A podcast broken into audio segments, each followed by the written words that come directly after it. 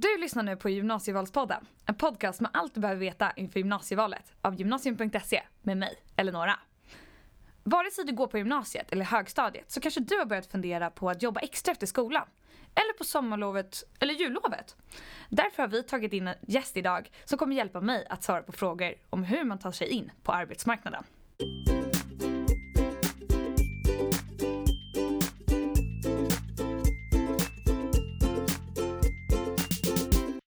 Och välkommen! Vem är du? Tack så mycket. Eh, jag heter Anna Åslund Ja. och eh, jag är eh, redaktör för Metro Jobb ska jag kanske säga och Mm. det innebär att jag också är journalist i grunden. Vad, vad gör du på Metrojobb? Eh, ja, jag skriver om eh, frågor som rör karriär och arbetsmarknad, eller jag bevakar sådana frågor. Så jag har ett superroligt jobb, så jag får Mm. alltså intervjua jättemånga olika experter inom frågor som karriär. Och jag intervjuar många eh, psykologer och forskare om liksom situationer på jobbet och eh, jag intervjuar även ja, men, folk som jobbar helt enkelt och pratar mycket om eh, olika sorters jobb, eh, hur man kan göra karriär, eh, ja men massa sådana frågor. Och du är här idag för att prata om hur man har ett extrajobb samtidigt som man går i grundskolan eller gymnasiet. Precis. Och en väldigt, eh, jag tycker extrajobb är en sån himla bra eh, ja, men möjlighet att få börja sin karriär tidigt. Och det behöver ju inte vara att man jobbar fem dagar i veckan. Det kan ju vara att man jobbar en dag varannan helg till exempel. Jobbade du extra när du gick i alltså, högstadiet, gymnasiet? Ja, men jag började jobba, jag tror mitt första jobb var hos min, eh, hos min pappa. Mm. Han hade en firma som sålde startmotorer och generatorer. Låter sjukt tråkigt, vilket det också är. men jag fick i alla fall hjälpa honom på lagret och så här, sortera och sånt. Eh, så det var liksom mitt första liksom, ansvarsfulla jobb. Men sen skaffade jag även ett extrajobb under gymnasiet och då jobbade jag på ICA. Mm. Som liksom kassörska och ja, men höll också på på lagret och ute i butiken och packade upp varor och så. Kul. Vad gick du för någonting på gymnasiet? Jag gick, eh, nu, nu har den skolan precis, eller den har bytt namn för ett tag sedan, den heter Sjölins nu. Eh, Ah. Men jag gick då, på min tid hette det, gud vad gammalt det låter säga på min tid, men då hette den Vittra på Södermalm i alla Ah. fall. Eh, så den ligger här i, på Söder i Stockholm. När gick du ut gymnasiet? Eh, I och med att det lät som det var så länge att jag var sedan. jättegammal. Nej men 2010, 2010. för åtta, åtta år sedan. Ja, inte så farligt. Nej, men det känns ju, det har hänt så mycket sedan dess. Men Ja. samtidigt är gymnasiet typ en av den- liksom, den bästa tiden i mitt liv nästan. Så ja. Vad var det för program du gick? Jag gick eh, Samsam. Mm. Och av den enkla anledningen att eh, jag tycker de ämnena var liksom absolut roligast i skolan. Typ samhällskunskap och religion och historia. Och sen så hade jag både svårare för och tyckte att de ämnena var mer tråkiga som typ matte och kemi och fysik typ. Ehm, Har ditt gymnasieval påverkat ditt arbetsliv idag? Har det liksom att du gick samsam på gymnasiet påverkat att du blev journal- journalist? Ja men jag tror det lite för att just i min, eh, mitt program då, då skrev man ganska mycket och skrev så här långa texter och långa uppsatser och jag tyckte det var ganska kul. Mm. Så det var, jag tror att det var nog där jag kom på att så här, men jag gillar nog att skriva och liksom berätta och gr- grotta ner mig i olika liksom, samhällsproblem och sånt. Eh, och sen så i min skola också så läste vi ehm, liksom vi hade både eh, liksom vanliga lektioner, till exempel engelska lektioner, Mm. men sen hade vi också någonting som hette case. Eh, så vi jobbade i liksom, ja, man kan säga som projektarbeten. Så ett case kunde då innehålla till exempel både engelska och historia och typ religion. Mm. Och så liksom jobbade man runt, eh, vad ska man ta som exempel? Men typ nu när det har varit val till Mm. exempel, då kan jag tänka att de på det gymnasiet kanske har gjort någon valspecial och haft ett case som handlar om att man kanske representerar olika partier och lär sig om vad de står för och sådär. Så det var lite roligare än att bara sitta på vanliga lektioner. Ah, nice. Vad, finns det någonting som du önskar att du hade fått svar på om gymnasiet innan du började gymnasiet? Mm, ja men just med min skola så var det väldigt mycket eget ansvar. Mm. Ehm, vilket var väldigt bra för då, det lärde man ju sig tidigt då. Men när jag började gymnasiet hade jag in, ingen aning om vad som krävdes av mig. Så man kunde till exempel ha en hel eftermiddag ledig men då var ju tanken att man skulle plugga. Ja. Men det gjorde ju inte jag i början. Då satt jag och fikade med mina kompisar. Men sen, det dröjde ju inte så länge innan vi fattade att så, oj, vi kan inte göra så här om, om vi ska klara skolan. Ehm, men en annan grej jag tänkte på också är just det här, någonting jag hade eh, önskat att jag visste mer innan jag började gymnasiet var att man ska göra sån ordentlig research vad det finns för olika skolor. För det finns så himla mycket nu. Exakt, och då är gymnasium.se perfekta sättet att hitta. Perfekta.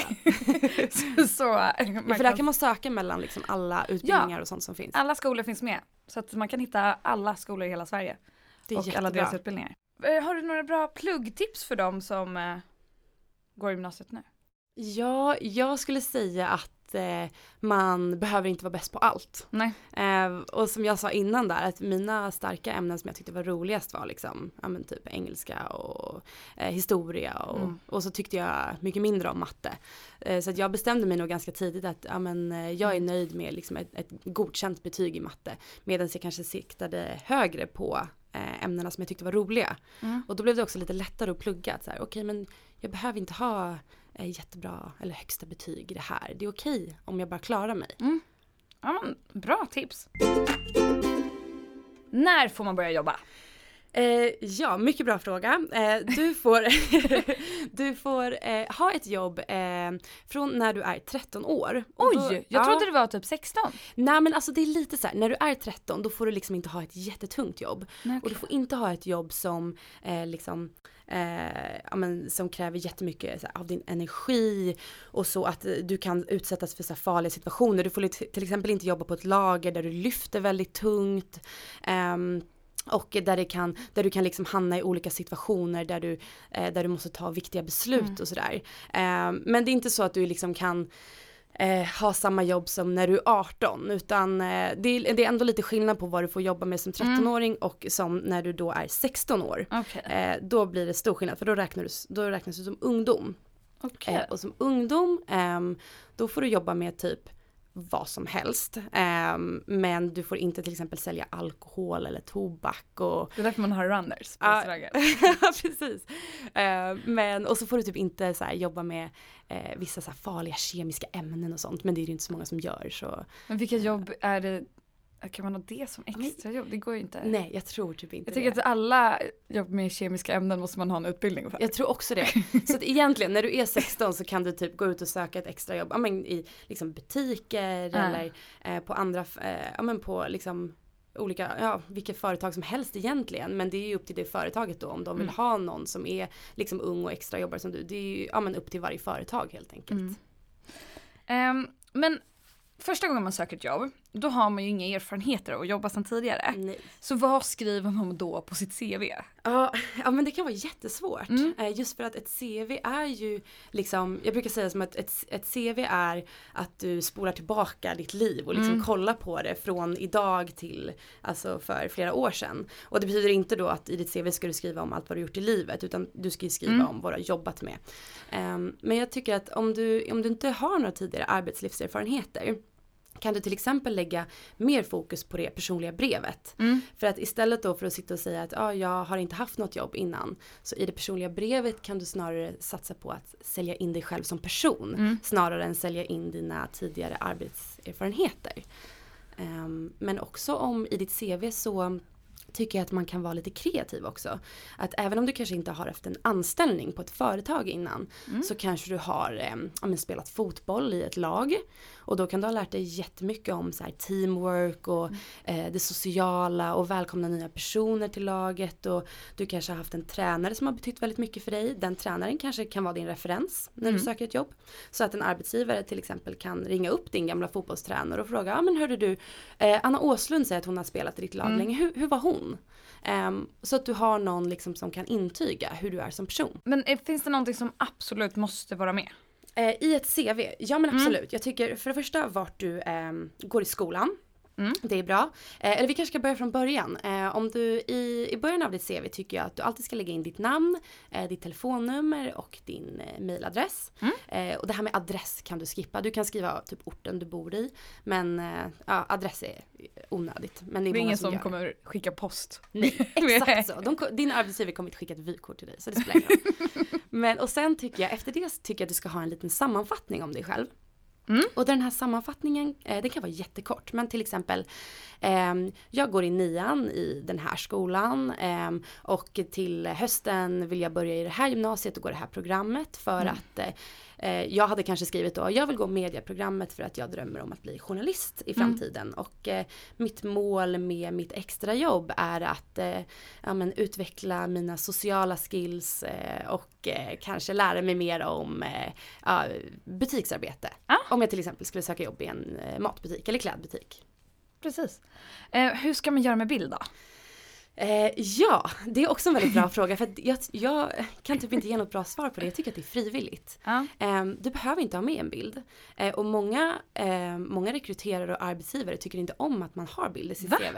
Ja, för Jag trodde att det var obligatoriskt. Nej men det så här- är det inte. Och i många jobbannonser, det kan till och med stå så här, eh, liksom ingen bild. Just för att en bild väcker också eh, omedvetet fördomar. Ja. Eh, om, jag, om du ser en bild på mig så kanske du liksom har eh, omedvetet har du förutfattade meningar. Ja men hon ser ut så och så eller hon ler eller hon ler inte. Då är hon Mm. så. Jag kanske påminner dig om någon som du känner. Som du är väldigt bra kompis med. Och då kanske du direkt får så positiva associationer till mig.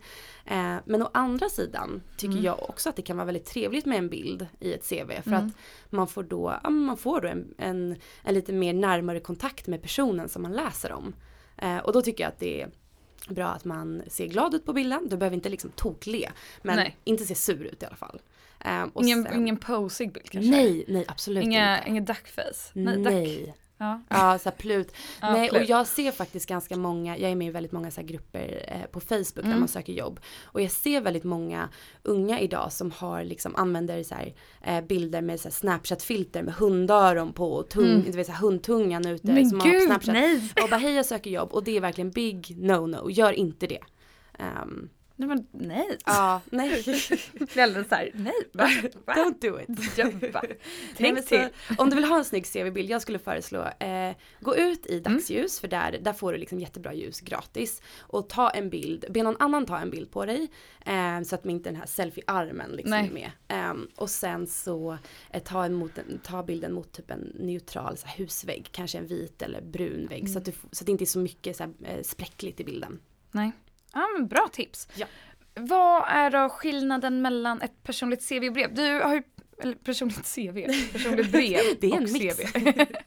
Eh, du var inne på det lite grann tidigare, men vad är de största skillnaderna? Om man nu ändå ska skriva en sammanfattning om sig själv i CVt, vad är det då man ska ha det personliga brevet? Ja, jättebra fråga. Ehm, Just det här med sammanfattningen i det personliga, eller i, i CVt, nu gjorde du mig förvirrad här. Sam, den lilla, lilla sammanfattningen i CVt. Ja. Eh, det ska snarare vara liksom lite kort info om dig. Mm. Ehm, och kanske eh, ditt mål med varför du söker ett extrajobb. Eh, men sen i det personliga brevet då. Eh, där, eh, när, ett, när ett CV är liksom i punktform och att du kan använda dig av rubriker som Mm. tidigare erfarenhet och utbildning så är ett personligt brev mer en löpande text. Där du får chans att liksom sälja in dig själv Mm. och varför de ska anställa dig. Och ett bra tips är till exempel om du svarar på en jobbannons, kanske någon som söker extraarbete. Om vi säger att Mm. eh, en jobbannons från IKEA, vi söker helgarbetare. Ja. Då kan du läsa den här jobbannonsen från IKEA och titta så här, ja men vad är det de söker? För att de har ju alltid så här eh, önske, liksom, egenskaper på de här Mm. personerna de vill anställa. De kanske vill att man ska vara en, ja men eh, ha lätt för att samarbeta och ta egna initiativ. Ja. Och det är så bra då, för då kan du plocka de här liksom, sakerna de önskar i jobbannonsen och tänka, okej men hur, ehm, ja men jag känner verkligen att jag har ju lätt att ta egna initiativ. Då kan du skriva om det i det personliga Mm. brevet. Men då ska du inte skriva, jag är bra på att ta egna initiativ, punkt. Nej, Utan, för det, det låter inte som att man är det då. eller hur? Då ska du visa snarare. Ja. Eh, att så här, okej men vad, i vilka situationer är du bra på Mm. att ta egna initiativ till exempel? Kanske om du gör ett eh, grupparbete i skolan så Mm. är du den som gillar att samla gruppen och liksom stolpa upp vad man ska göra och när man ska göra Mm. det. Det är en jättebra grej som visar eh, att du är kanske ja, något av en ledare eh, men också bra på så här, ehm, ja, men, ta egna initiativ. ja, precis. Ja. Men hur gör man för att inte få det att låta så cheesy? För alltså, jag har ju också skrivit en hel del personliga brev, Det är jättesvårt. men det är så svårt. Hur, hur gör man för att det inte ska låta så här töntigt? Ja, ja, jag vet. Och jag har läst några av mina gamla personliga brev Ja. som jag skrivit Åh tidigare. gud, det är så hemskt. det är så Bara något cringe. från typ så här något år sedan. Det är fruktansvärt. Det är jättehemskt. Och det är ännu hemskare, mitt, mitt råd är också eh, bland annat att man ska få någon annan att läsa brevet åt Mm. den. Vilket är fruktansvärt. Åh. Man skäms så mycket. Eh, men Mm, Jag får det, rysningar över hela kroppen bara du berättar det där. Usch. jag vet. Men förutom att någon annan ska läsa det så Mm. tycker jag skippa det här smörandet. Ja. Och eh, om du söker jobb på, jag vet inte, H&M Mm. till exempel som extra jobb. Ja men jag, jag, har all, jag köper bara kläder från H&M och ingen annanstans och ni, bla bla bla bla. Ehm, du kan liksom, du kan smöra men på ett mer liksom lågmält sätt. Mm. Att kanske ehm, ta upp någon av H&M's kollektioner de har gjort och Ja. tänka, ja men jag tyckte att det här var så, eller någon av deras reklamer, jag tyckte det här var så himla kul initiativ och eh, jag tycker ni verkar vara ett roligt företag att jobba på därför. Mm. Ehm, så att smöra men eh, Inte så mycket. inte så mycket. Ehm, och skryt, men det här, ja, skryt men lagom. Så istället för att säga jag är jättebra, plocka upp några eh, olika Ja. situationer där dina positiva egenskaper Mm. verkligen kommer fram. Kanske fråga en kompis eller Ja, någon om vad, vad, är, vad är jag bra på? ja men det, För det kan vara så jättebra. svårt att komma på själv. Det är en jättebra idé. Mm. Fråga en kompis, men vad, vem tycker du att jag är i skolan och hur tycker du att jag är som person? Eh, Du kan ju fråga dina föräldrar också till Mm. exempel. Eller någon, kanske en kompis, eh, en kompis föräldrar som har lite, lite Mm. mer utomstående. Ehm, det, är, det är ett jättebra tips. Mm. Men hur hittar man ett extrajobb då? Ehm, För att ja. alla har ju liksom inte så här, ja men någon eh, förälder eller så. Nej, eh, jag skulle säga att eh, just som du säger det här med föräldrar. Eh, många, många av jobben, Ah. både extrajobb och liksom jobb även om man har jobbat i 40 år, de tillsätts genom kontakter. Och, mm, och det är både bra och dåligt. För att om man inte har några kontakter så, um, så är det tråkigt liksom. Men jag skulle dock säga att man har mer kontakter än vad man tror. Mm. Så du behöver inte bara liksom, för det första be dina föräldrar fråga runt på sina jobb. Eh, Om de vet någon som söker extraarbetare till exempel. Och fråga dina kompisar. Eh, men sen tycker jag också att eh, du kan ju delvis gå in på till exempel Metrojobb där jag jobbar. Vi har jättemycket jobbannonser. Eh, eller så kan du gå in på till exempel Arbetsförmedlingen. De har också jättemycket jobbannonser. Ehm, men sen är en bra idé också att gå in på företagens sidor och titta om de söker folk. Ehm, och ett annat tips tycker jag att du ska göra är att eh, till exempel på din Facebook eller Instagram lägg upp en post där och säg ehm, Hej, jag söker extrajobb nu från och med nu. Eh, jag är tillgänglig under liksom, kvällar och helger eller varannan helg och söker typ den här typen av arbete. Vet ni någonting så tipsa mig. Eh, och mitt slutgiltiga tips är också att ehm, gör en, sätt dig ner och gör en lista över alla företag du skulle vilja jobba på. Eller kanske olika typer av jobb du skulle vilja ha. Ehm, och sen så börjar du bara beta av den listan och skicka in lite spontanansökningar. Om du drömmer om att jobba på IKEA till exempel. Eh, ja men mejla IKEA då. Mejla och ditt CV och ditt personliga brev och säger Hej, jag vill jättegärna jobba hos er. Ni har ingen annons ute nu men om det kommer en lucka är jag jätteintresserad. Och kanske inte sluta bara för att man har sagt ett. Verkligen. Helt rätt. Man måste söka många jobb Mm. innan man kanske får ett. Så är det verkligen. Och, så, och det är väldigt lätt att tappa hoppet då. Ja. Känner du också? Ja precis, eller jag är också så här, så här klyschor som typ så här, om man har ridit eller så här, ja man måste trilla av hästen hundra gånger innan man blir bra ryttare. Ja, det är eller så här, du måste söka hundra jobb innan du får ett. Typ. Ja men det är verkligen så. Och det är ju liksom det hemska när man kanske får ett nej. Då blir man ju verkligen, då vill man ju bara gräva ner sig. Men det är viktigt att du inte gör det. Ja. Utan fortsätt kämpa. Men om man nu har då liksom fått skrivit ett CV, gjort ett personligt brev, fått tag på en person eller liksom en arbetsgivare som säger hej jag vill anställa dig. Hur gör man då med kontrakt? Ja, ehm, kontrakt eller anställningsavtal eller anställningsbevis. Det heter, eller det kan heta Ja. massa olika saker. Eh, men det viktiga är att du vet att du alltid, alltid, alltid, Mm. alltid har rätt att få ett kontrakt. Men ty- betyder det också att man måste ha ett kontrakt? Eh, nej, alltså det är en bra fråga. Du, du har alltid rätt att få det och eh, du måste ha ett kontrakt i den mån att ett kontrakt är ett bevis på att du jobbar på arbetsplatsen. Eh, så att eh, det är också för arbetsgivaren liksom ett bevis på att ah, den här personen är anställd hos mig. Ehm, så absolut. Eh, och att när du då ehm, jag har varit med om på tidigare jobb att jag har haft en chef när jag jobbade på restaurang som sa till mig att "Nej, men du, du jobbar bara en dag i veckan, du behöver inget kontrakt. Och, ja, och det var, jag, jag visste ingenting då. Eller jag visste, jag visste inte alls vad som, jag visste inte alls vad som stämde och vad som var rätt. Ja. Ehm, Så, men du har alltid rätt att få ett kontrakt och i det här kontraktet så ska det, det finns inga tydliga så här regler det här måste stå med. Men Nej. det finns liksom lite riktlinjer och det ska bland annat då stå eh, ditt eget namn Mm. och företagets namn, alltså var du jobbar. Och helst ska din lön också stå med, vad du ska få i lön. Eh, och sen också vilken tidsperiod som ehm, eh, Hur länge man ska jobba. Precis. Och även om du kanske har en, du kanske har ett jobb som är liksom på obestämd tid. Mm. Och då ska, det, då ska det till exempel stå då visst, eh, tills vidare anställning. Mm. Och om du har ett sommarjobb då, då i så fall ska det stå specificerat från den 20 juni till 13 augusti till exempel. Mm. Så att du vet hur länge du ska jobba. Och hur gör man med lön? Ja det är också klurigt. Men Finns det någon så, alltså om b- börjar i änden så här, finns det någon minsta lön? eh, ja men det gör det. Mm. Eh, men det beror också lite på. så vi kanske ska... Det blir bara mer Ja men komplicerat. precis, vi kanske ska börja så här, bena ut det från början. För allt grundar egentligen i om det finns ett eh, kollektivavtal på Okej. arbetsplatsen. Och eh, kollektivavtal är någonting som jag verkligen inte hade koll på när jag fick mitt första jobb. Jag visste inte alls vad det var och jag lärde mig nog inte det förrän för typ några år sedan bara. Mm. Nej men ett kollektivavtal är en, som en ehm, som en överenskommelse mellan arbetsgivaren och ett fackförbund. Okej. Ehm, och ett fackförbund i sin tur är en anslutning av massa, ja, man kan säga enkelt sett massa anställda inom Mm. en bransch. Till exempel eh, massa som jobbar inom handel, som jobbar i butiker till exempel. De har gått ihop och bildat ett fackförbund. Och det här fackförbundet kämpar och liksom står på arbetarnas sida och hjälper dem att förhandla med företagen om lön och semester och arbetsmiljö och så. Mm. Eh, så att om det finns ett kollektivavtal eh, på din arbetsplats, Mm. då är det ett, eh, ett, liksom ett bevis på att det här fackförbundet som är ansluten till din arbetsplats, Mm. de har liksom redan förhandlat alla de här villkoren om lön och semesterersättning och ja, men arbetsmiljö och sånt. Mm. Så att om det finns ett kollektivavtal på din arbetsplats, då vet du att eh, du är garanterad en minsta lön, Mm. Eh, Du är garanterad semesterersättning eh, och du kan också få uppbackning av det här fackförbundet om till exempel din lön inte kommer. Mm.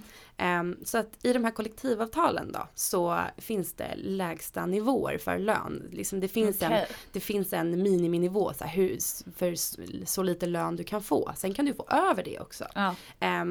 Men eh, din, din chef då är, är till exempel inte tillåten att ge dig en lön under den här lägsta nivån. Till Mm. exempel ja, men 90 kronor eh, i timmen. Mm. Då har inte din chef rätt att ge dig 75 kronor i timmen. Nej. Men om eh, företaget man ska börja jobba på inte har ett kollektivavtal, Mm. har de rätt att ge, ändå ge 75 kronor? Ja, Är alltså det är också så här. ehm, att eh, om det inte finns kollektivavtal på arbetsplatsen, det Mm. betyder inte att det är jättedåliga villkor där. Så Nej. behöver det inte vara. Eh, men däremot så om det inte finns kollektivavtal på arbetsplatsen, då måste du förhandla om lön och eh, semesterersättning och allt sånt här på egen hand. Så Okej. det är det, kollektivavtalet har liksom gjort det åt dig så du slipper tänka på sånt där.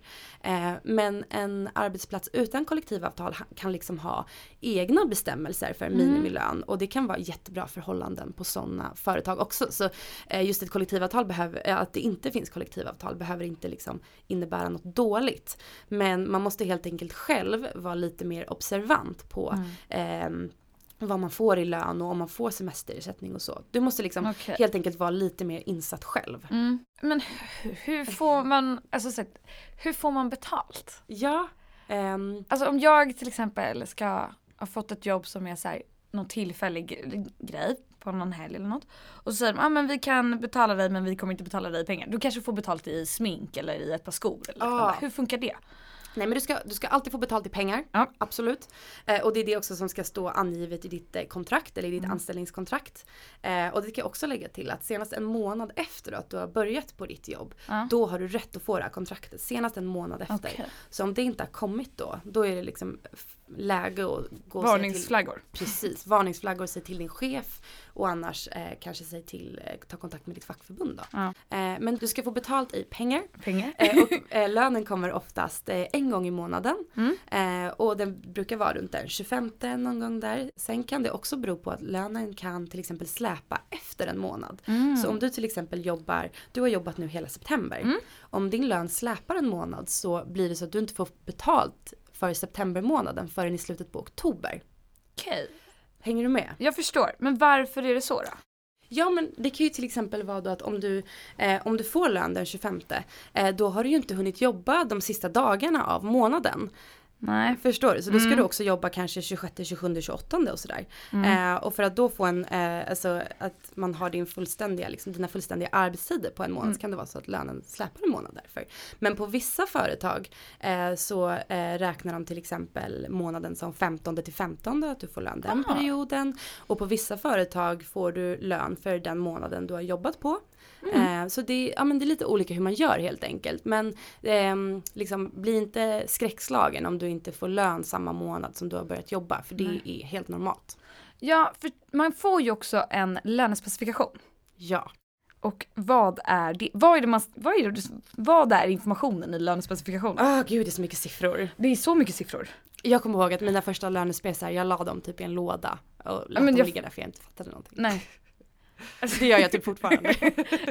vad, vad är en lönespec? ja men en lönespec, lönespecifikation, Ja. lönebesked kan de också kallas. Ja. Ehm, de, eh, för, eh, förut brukade man nog mest få dem i typ ett kuvert så som man Mm. hämtade på jobben. Men numera skickas de nu på många företag ut via mail. Jag har aldrig fått i fysisk form, jag har bara fått på mail. Har du det? Ja. För att jag fick, på mina första jobb fick jag i kuvert. Men Ja. det är kanske helt så här stenålders... eh, Ah, nej, jag har alltid fått på mail. Ja, men det är jättebra Mm. då för då tycker jag att man ska ha en, en mapp på sin mail. Det har jag inte. Det borde du ha. Gör det, för då har du alla samlade. Ja. Eh, så lägg alla lönespesar i en mapp så att du har dem. Eh, och i en lönespec ska det då stå ja, helt enkelt specificerat eh, hur mycket och när du har eh, jobbat den här Mm. månaden. Så om vi tar september till exempel. Om Mm. du jobbar i ett extrajobb så kanske du har ganska oregelbundna Mm. tider. Du kanske jobbar någon söndag ibland och ibland hoppar du in någon gång och jobbar en onsdag. Ehm, men då ska det, det ska stå specificerat hur många timmar du har jobbat. Det behöver inte Mm. stå exakta dagar men hur många timmar totalt den månaden du har jobbat. Och sen så ska det också stå om du har jobbat någon övertid eller om du har jobbat någon obekväm arbetstid till Mm. exempel och ska få lite eh, ja, men extra eh, OB-ersättning för Mm. det. Så om du till exempel jobbar en söndag så får du ofta extra betalt för det. Och det ska också stå angivet i din lönespec. Det ska stå alltså hur många timmar man har jobbat under månaden. Mm. Men vad gör man då om det inte stämmer med överens med vad man själv har upplevt? Att här, säg att jag har, jag tycker att jag har jobbat 16 timmar. Att jag har fått, kanske, först så kanske jag har fått ett schema. Och i schemat så kanske det är 8 timmar. Och sen så har min chef bett mig stanna kvar några timmar, några gånger. Så totalt så har jag istället, istället för 8 timmar så har jag jobbat dubbelt så mycket och Mm. jobbat 16 timmar.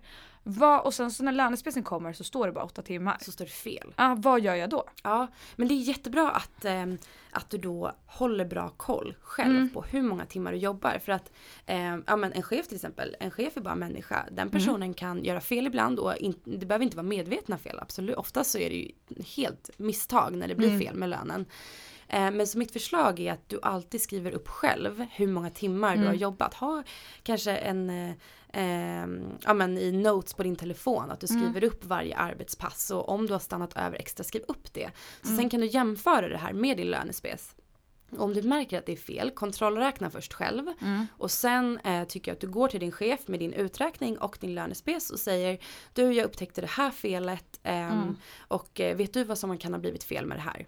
Jag skulle också då person, av personlig erfarenhet säga också Ja. så här, skriv upp vilken dag det är du jobbar över och inte Verkligen. bara hur många timmar du har jobbat över. För att sen om du kommer till din chef och säger ah, men jag har ju faktiskt jobbat dubbelt så mycket, då är han svårt att kanske komma ihåg när det har varit eller så här, varför Nej men jag tror Verkligen. inte på det, det där och kan ju du hitta ju på. själv också. Ja. Så här, kommer du ihåg vad, vad du gjorde onsdag för tre veckor sedan? Var Nej. det verkligen den kvällen du stannade kvar extra? ja.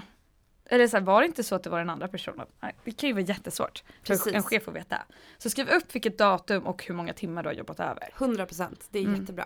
För då måste de ju, då kanske det, kom, men kompenseras det då på nästa lön eller kommer det direkt? Eller Det brukar vara så att det kompenseras på nästa lön. Mm. Eh, så att det kan ju vara lite jobbigt ibland om det är en väldigt stor summa som det har blivit fel på. Att du då tvingas Mm. vänta.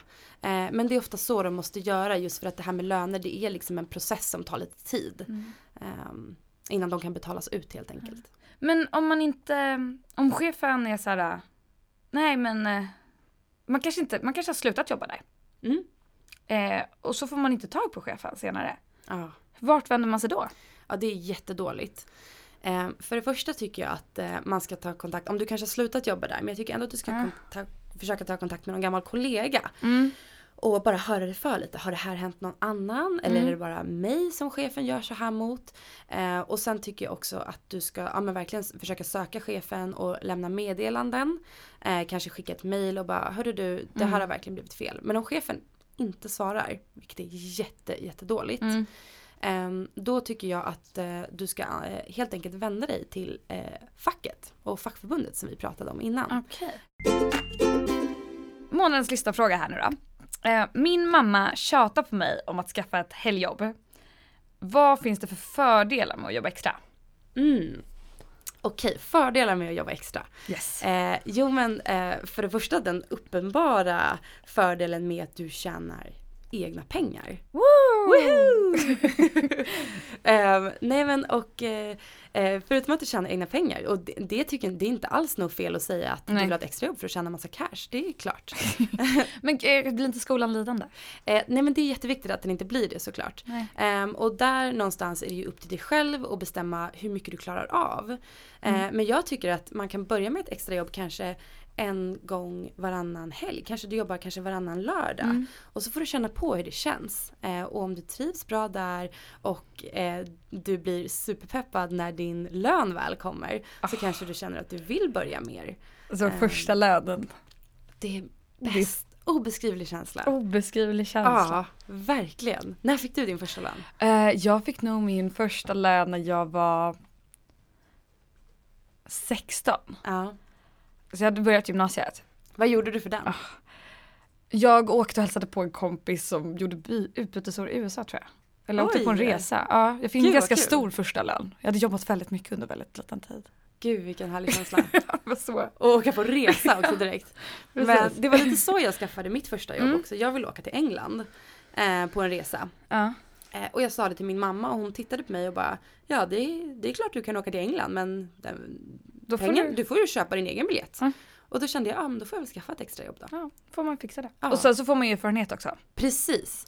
Erfarenhet och liksom ditt första jobb det lägger grunden för vad du kan göra i framtiden. Mm. Eh, och det ger dig ja, men, erfarenhet och prova på ett eh, kanske mer avancerat jobb nästa gång. Och du kan börja liksom, bygga din CV-grund för hela liksom, ja, men, ditt yrkesliv. Mm. Och sen är det också en jättebra möjlighet att hitta vad du faktiskt gillar. Ehm, du kanske, om du börjar jobba på en restaurang och upptäcker att wow vad kul det är att jobba med mat. Jag kanske ska bli kock. Ja. Eller gud jag kanske vill starta mitt eget fik. Och nu kommer vi till månadens topp tre. Vad är dina tre bästa tips för att lyckas med att jobba extra?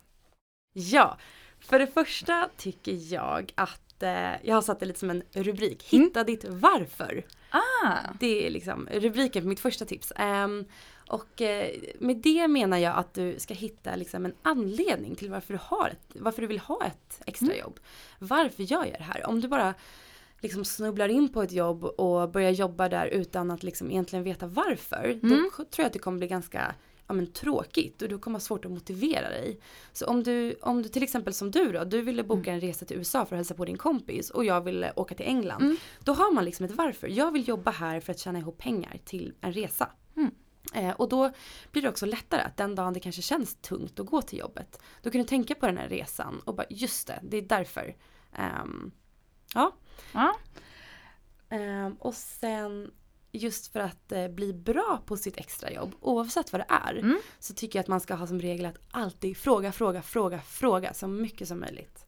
Så redan kanske första dagen på jobbet, säg det till den som kanske lär upp dig Ja. eller din chef. Så här, eh, ja men jag vill bara säga att jag är en sån som, jag frågar mycket. Jag frågar om jag inte förstår. Mm. Och 100% av gångerna kommer du få till svar, gud vad bra. Ja. Eh, så att, var inte orolig för att så här, låta dum eller liksom att, ja, men att folk ska tro att du inte fattar. Nej. Ehm, Jag tycker också att de, eh, här, när man själv har haft andra personer så här, runt omkring en så är att de som frågar mycket, det är de som också förstår mer senare. ja. För sen så när man är så här, ja men då när man frågar för kanske så här, vad man själv känner är tre gånger för extra. Sen så då, men då nästa vecka så behöver man kanske inte fråga någon gång. Verkligen. Eller nästa gång. Verkligen. Mm. Och tänk om du inte frågar med någon arbetsuppgift. För att du säger, åh men gud jag vill inte känna mig dum, jag frågar Nej. inte. Och sen så gör du fel. Då känner man sig ännu dummare Ja, efteråt. ja. Så här, när man bara, ah, allt jag hade behövt göra var att fråga så hade jag gjort rätt kanske. Um, nej men så helt klart, uh, var inte rädd för att bombardera dina kollegor och chef med frågor. Um, och sen så mitt sista tips är Yay. prove them wrong. Okej, okay, intressant rubrik. Ja. Och med det menar jag att, eh, alltså jag personligen fick ofta höra, jag är ju 90-talist. Ja. Jag fick ofta Precis höra som jag. Ja, 90-talister, har du också fått höra det? Ni ja. 90-talister, ni är lata, Så lata, ni är bortskämda och även millennials pratar man om det också, de ja. som är födda efter liksom 2000-talet. Att ja, men ni är vana att få allt serverat mm. på silverfat. Ni kan inte lägga under era mobiltelefoner. Allt ni gör är att sitta på Instagram. Ah. Nej, det är så fel. Precis, Man det är så fel. Jobba. Exakt. Och det är det jag menar då med ditt första jobb. Se mm. till att bevisa att de här personerna som tror så här, de har helt fel. Mm. Eh, du kan visst lägga undan din mobiltelefon, du klarar av att komma i tid och du är ansvarsfull nog att ha ett jobb. Mm. För att med ett jobb, eh, det kommer faktiskt en hel del ansvar. Det går inte att liksom Eh, sjukanmäl dig inte för att du var ute sent med kompisarna dagen innan. Och, ehm, sjukanmäl ska man aldrig göra. Nej, big no-no. Eh, nej men så att med ett jobb kommer ansvar och bevisa att du klarar av att ha det här ansvaret och bevisa för alla som tror att eh, ungdomar är lata att det är så himla fel. Mm. Eh, tack så mycket Anna för att du har kommit hit. Tack själv, vad kul det var. Uh, var kan man följa dig någonstans eller Metrojobb? Ja, men du kan bland annat, du får jättegärna läsa mina artiklar på Metrojobb. Ja. Eh, det gör du antingen på eh, måndagar och torsdagar i tidningen Metro. Mm. Eller så kan du gå in på www.metrojobb.se och där hittar du massa, massa, massa jobbsökartips. Eh, bland annat om liksom, flera artiklar om hur du skriver CV och personligt brev. Och jag har skrivit flera artiklar om hur du till exempel söker ditt första jobb och skriver ditt allra första CV. Ehm, så där kan du få massa tips och sen kan du också följa mig på Instagram där jag heter eh, Anna Aslunds, A-S-L-U-N-D. Ah. Anna Aslunds. Tack för så mycket för att du kom hit. Tack själv för att jag fick vara med. Och för att summera, plocka saker arbetsgivaren önskar i sin annons ta med, och ta med det i ditt personliga brev. Smöra lagom och skryt lagom. Ge exempel på där dina positiva egenskaper kommer fram. Och hitta ditt varför. Det här var alltså Gymnasievalspodden, en produktion av gymnasium.se, Sveriges största söktjänst för gymnasieskolor. Vårt mål är att hjälpa alla att hitta sin gymnasieutbildning. Du kan följa oss på Instagram och Facebook under gymnasium.se och ställa frågor i vår syvchatt. Tack så mycket för att ni har lyssnat.